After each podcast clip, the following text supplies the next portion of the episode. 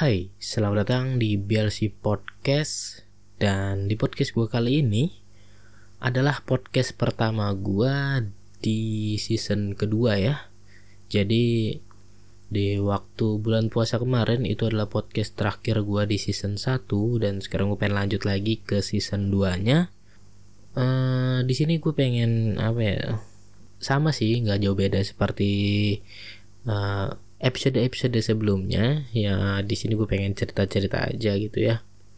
Tentang apa sih pengalaman-pengalaman gue aja. Apa sih pengalaman-pengalaman yang gue alamin gitu yang gue rasakan gitu. Ya sekedar sharing-sharing aja kayak gitu. Dan sebelum kita lanjut ke cerita gue sebelumnya gue pengen minta maaf nih ya. Minal aidin maaf aidin. Mohon maaf lahir dan batin ya. Mungkin udah telat lama ya telat jauh gue untuk mengucapkan ini. Cuman nggak apa-apa lah ya daripada tidak sama sekali ya kan.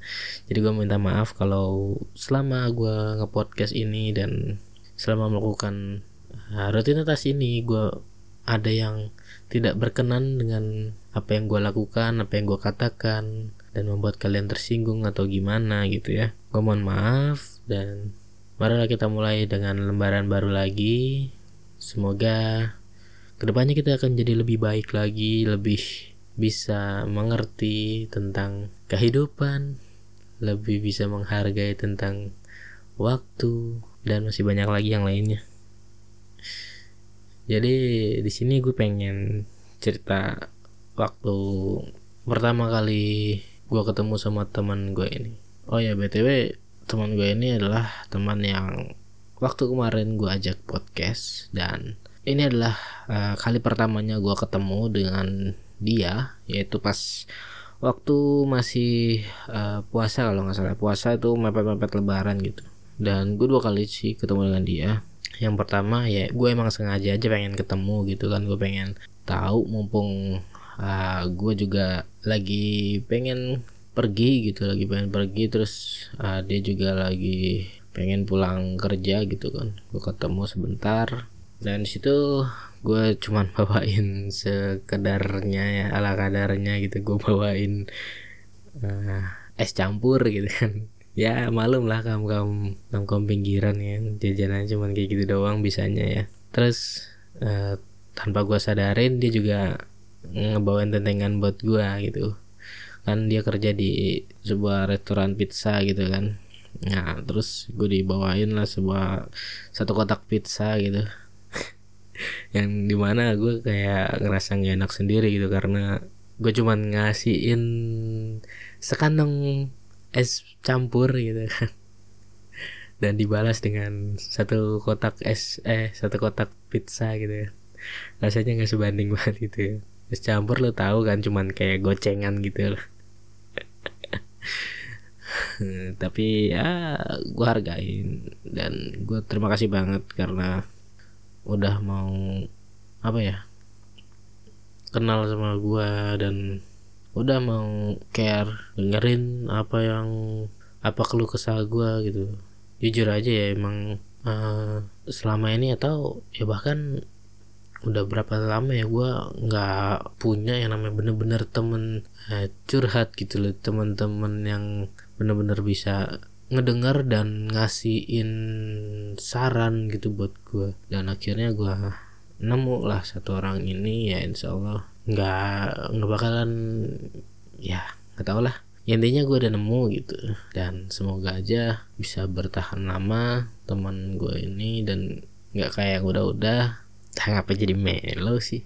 Ya intinya kayak gitu dah. Terus uh, gue akan akhirnya ketemu dan itu kali pertama gue ketemu dan uh, kali kedua gue ketemu sama dia itu sewaktu gue dimintain tolong sama dia buat ngupdatein yang namanya uh, Microsoft Office di laptopnya. Jadi di laptopnya dia tuh um, Microsoft Office-nya itu masih yang 2007 dan dia pengen diupdatein ke yang 2019 jadinya gue temuin dan gue bawa laptopnya gitu kan terus gue kerjain di rumah gue terus waktu itu kan dia kebetulan lagi masuk shift sore juga ya kan sore terus pulang sekitaran jam 8 atau setengah 9 kayak gitu. Terus kira gue anterin lagi dan sekalian kita pulang bareng gitu.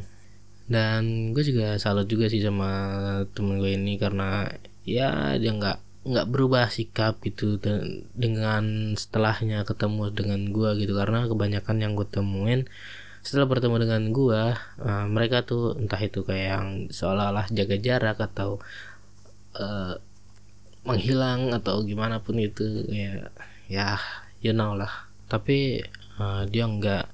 Dan ya gue berterima kasih banget bersyukur banget karena dia nggak seperti yang lain-lain gitu ya. Dan akhirnya uh, apa ya malam lebaran pun tiba yaitu malam takbiran. Sehingga cerita gue nggak ke mana-mana pada waktu takbiran dan keesokan harinya lebaran. Pada saat lebaran uh, orang-orang pada sholat id. Tentunya gue juga ya.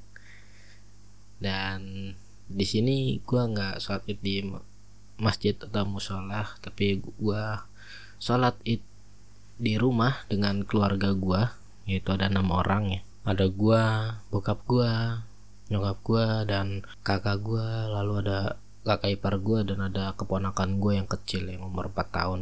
Jadi kami semua melakukan sholat Idul Fitri di rumah dan setelah itu ya seperti biasa kita uh, silaturahmi ke tetangga-tetangga sekitar aja gitu. Nggak nggak yang rame-rame juga cuman beberapa rumah tiga atau empat rumah gitu doang yang tetangga sebelah sebelah rumah gitu doang sebagai bentuk ya apa ya buat menjalin silaturahmi aja sih biar uh, biar afdol lah kayak gitu. Dan kita kan juga nggak tahu misalkan kita ada salah atau tidak ya kan dengan tetangga kita mungkin uh, mereka pernah tersinggung dengan kita ya kan kita nggak tahu. Dan tidaknya kita udah minta maaf gitu.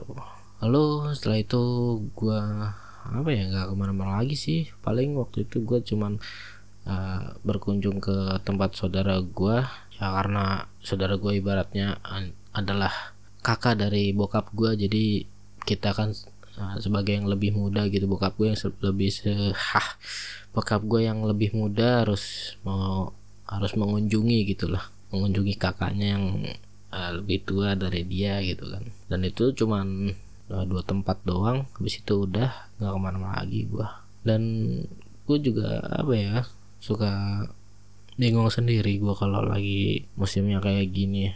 Kita uh, susah ke mana-mana dan nggak bisa banyak apa ya banyak banyak pergi ke tempat yang kita inginkan gitu kan. Tapi ya di situ gue juga paham juga sih kenapa ya kita juga tahu kan karena kondisinya juga lagi kayak begini dan mungkin uh, kondisi-kondisi kayak begini ya kalau buat gue pribadi ya udahlah gue gue nggak usah yang aneh-aneh dulu gitu kan gak usah yang pengen neko-neko ke sana kemari. Ya udah kita nikmatin aja dulu apa yang ada gitu kan.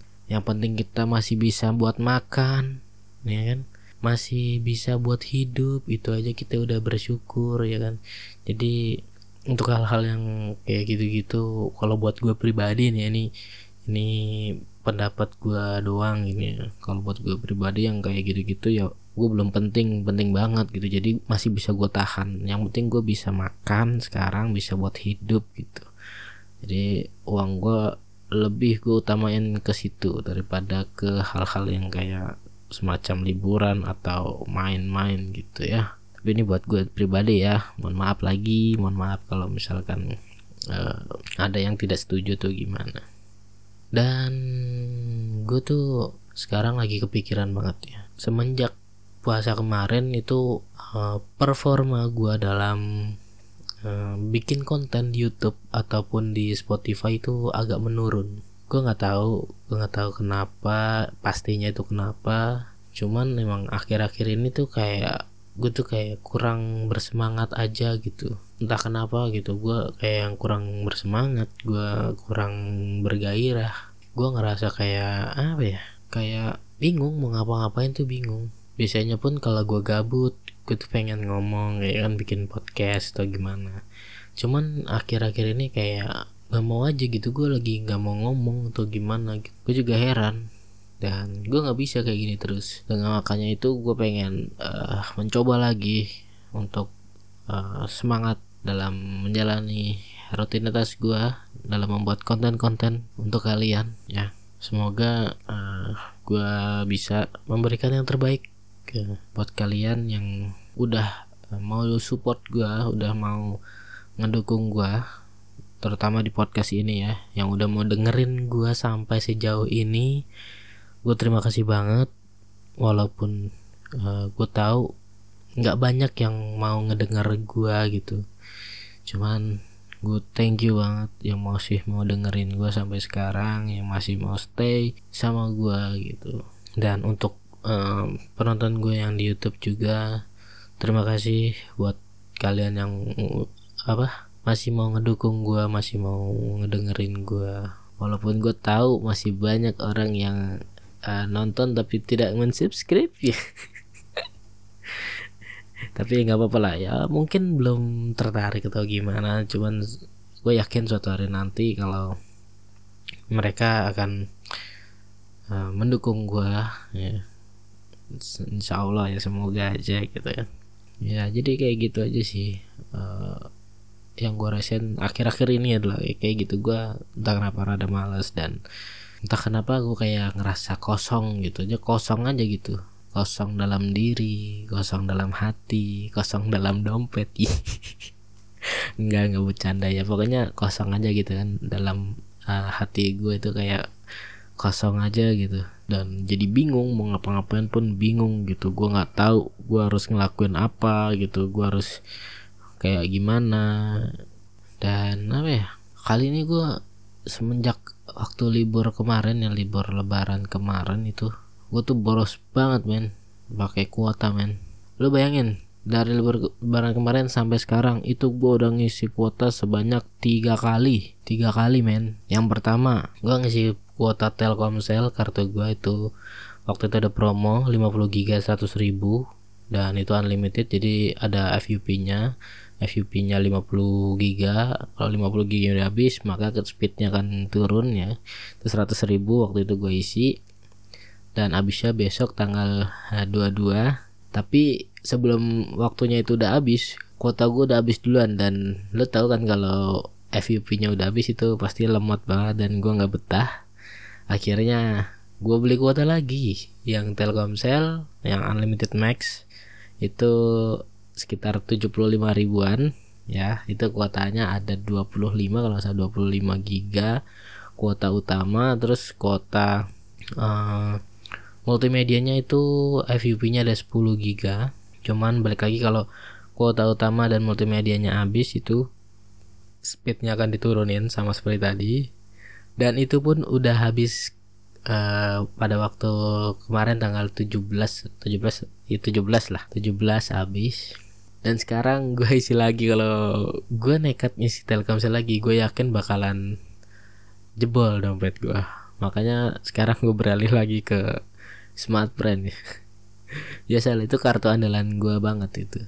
Karena menurut gue yang pertama ya harganya ya nggak bisa dibilang murah juga sih cuman ya masih mending lah gitu. Dengan kuota segitu kita dapat uh, harga yang ya oke okay lah gitu. Terus kelebihannya lagi juga untuk kuota malamnya dari jam 1 sampai jam 5 itu tidak ada batasan kuota ya. Jadi unlimited tanpa menurunkan speed internet juga. Jadi nggak ada FUP nggak ada uh, speed yang menurun kayak gitu-gitu. Jadi gue masih bisa memanfaatkan kuota malam itu untuk uh, berselancar yang cukup besar memakan kuota yang sangat besar gitu ya. Dan sekarang ya lu tahu kan jadi gue ngisi sampai tiga kali kayak gitu saking borosnya gue gabut di rumah karena gue emang bener-bener waktu itu tuh gue kayak gabut banget sama lebak sama puasa itu gue gabut gue bingung mau bikin apa gitu kan.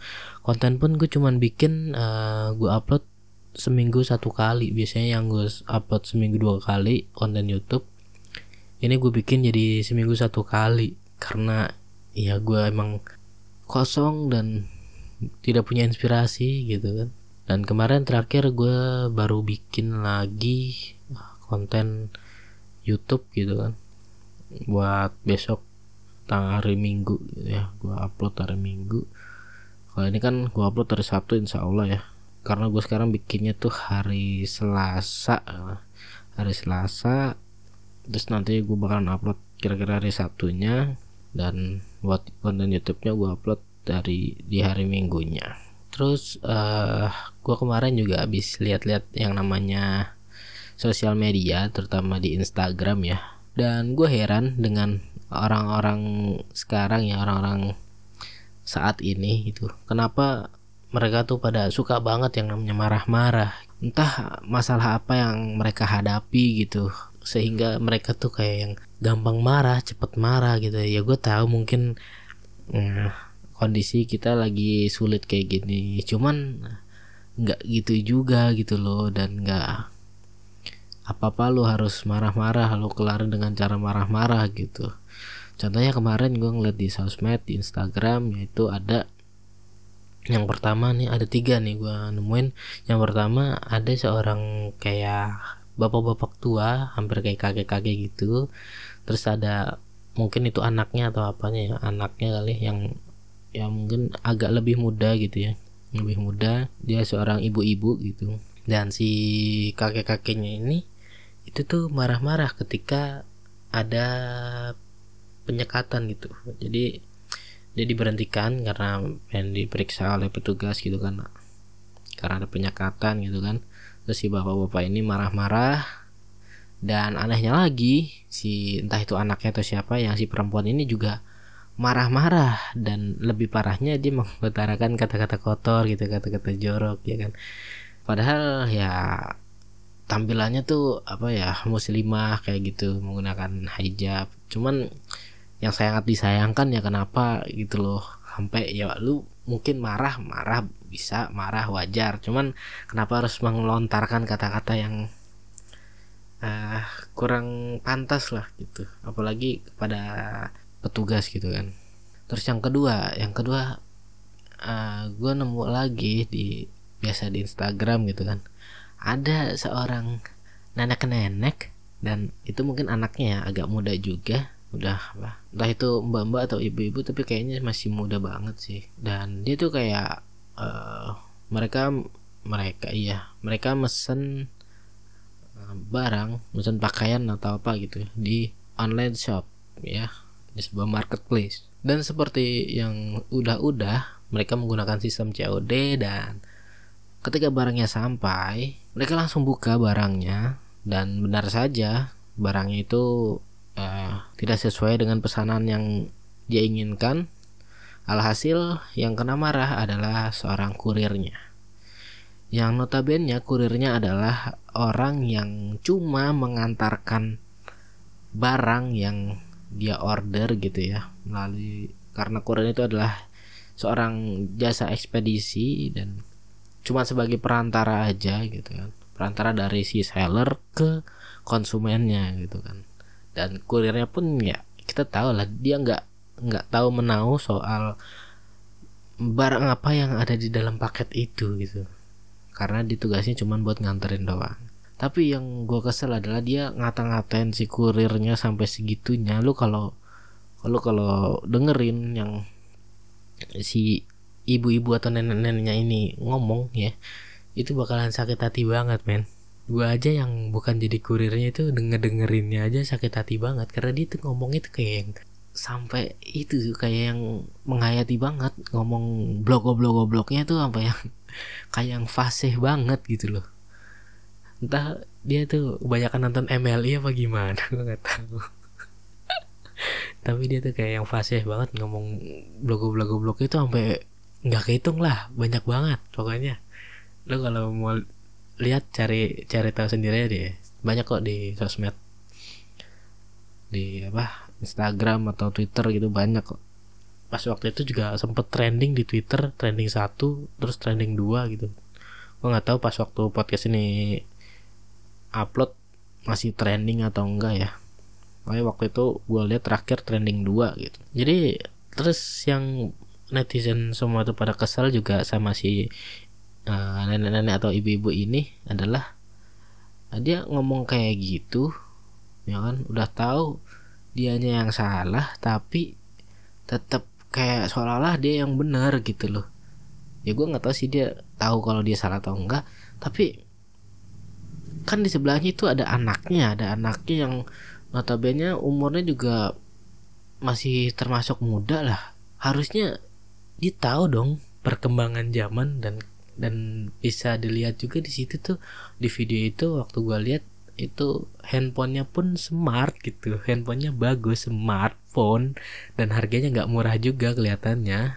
Tapi kenapa otaknya tuh tidak smart tidak kayak HP-nya gitu loh. Si anaknya itu bukannya kayak yang uh, nengahin terus ngasih tahu ibunya yang bener itu kayak gimana gitu kan.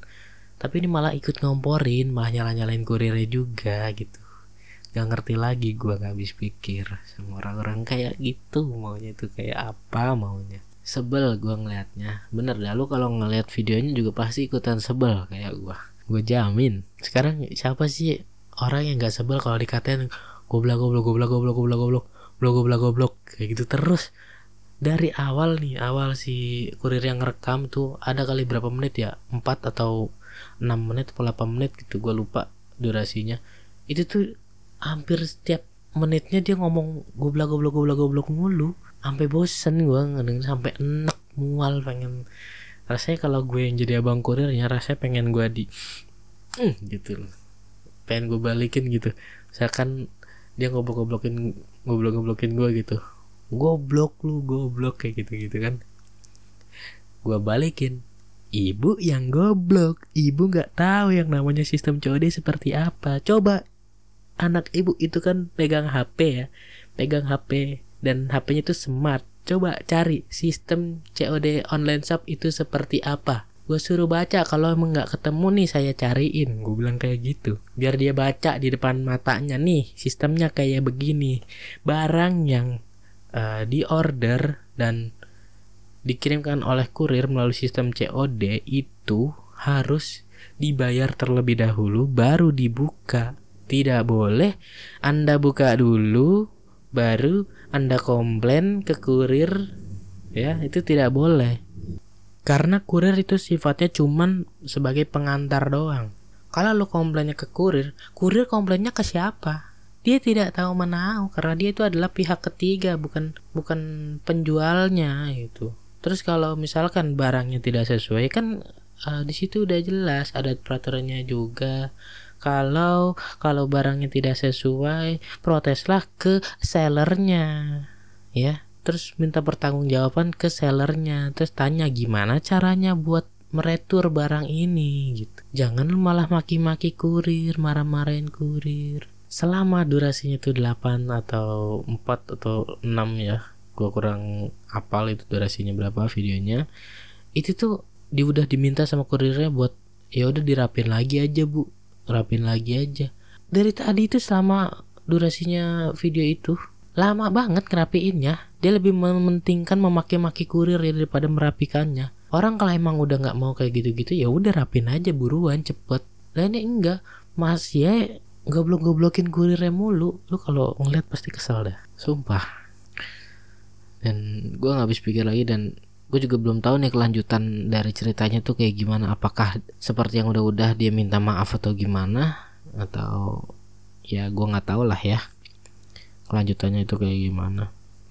Dan ada lagi seorang eh, yang namanya mbak-mbak gitu ya. Mbak-mbak dia sekeluarga kayaknya naik mobil gitu. Terus ada penyegatan juga gitu kan. Dan saat penyegatan itu uh, kembali lagi seperti tadi yang gue bilang marah-marah juga. Dan ngomongnya tuh ngotot-ngototan merasa sok kayak paling jago gitu kan. Sampai pas waktu ditegur kakinya malah dinaikin ke atas dashboard mobil gitu. Ya kata gue mau aduh ini mah udah udah udah itu mah orang yang tadinya pengen simpati karena mungkin berpikiran positif sama dia karena mungkin ada sesuatu tapi jadinya malah kesel ngelihatnya gitu loh karena udah mah dia marah-marah sok jago belagunya laganya gitu kan. Terus kakinya dinaikin ke dashboard mobil ya kan. Udah nggak sopan sopan nggak ada sopan sopannya gitu loh. Ya wajar lah. Nah, kalau kayak gitu terus dipanggil kan. Terus dimintain klarifikasi dengan petugasnya itu gimana. Dan ujung-ujungnya ya seperti yang udah-udah gitu ya minta maaf kayak gitu ya semoga ini semua jadi pelajaran lah buat lo semua ya. Kalau nggak semua masalah itu bisa diselesaikan dengan marah-marah dan nggak seharusnya juga diselesaikan dengan marah-marah gitu. Karena seperti yang udah-udah kalau setiap hal diselesaikannya dengan marah-marah maka ujung-ujungnya itu akan menjadi ya menjadi kacau gitu ya. Seperti contohnya kasus tiga ini gitu loh dan lu akan dibully dengan satu Indonesia gitu kan. Karena zaman sekarang udah canggih ya. Semuanya udah bisa ngeliat media lu rekam sedikit lu posting semua orang bisa ngeliat gitu. Jadi jangan main-main dan jangan umbar yang namanya kebodohan kalian sendiri gitu. Dan oke okay kali mungkin segini dulu aja uh, podcast gue kali ini. Udah tadi ngomong udah panjang kali lebar. Semoga lo nggak bosan dengerin omongan gua gitu ya dengerin suara gua yang kayak gini yang menurut gue tidak bagus-bagus amat bahkan bisa cenderung jelek ya. Semoga kalian uh, terhibur dan mohon maaf juga sekali lagi kalau mungkin ada yang kurang berkenan di hati kalian gitu ya. Oke uh, sampai di sini. Sampai bertemu lagi di podcast berikutnya. Tetaplah bahagia tetaplah baik-baik saja dan see you on the next podcast. Bye bye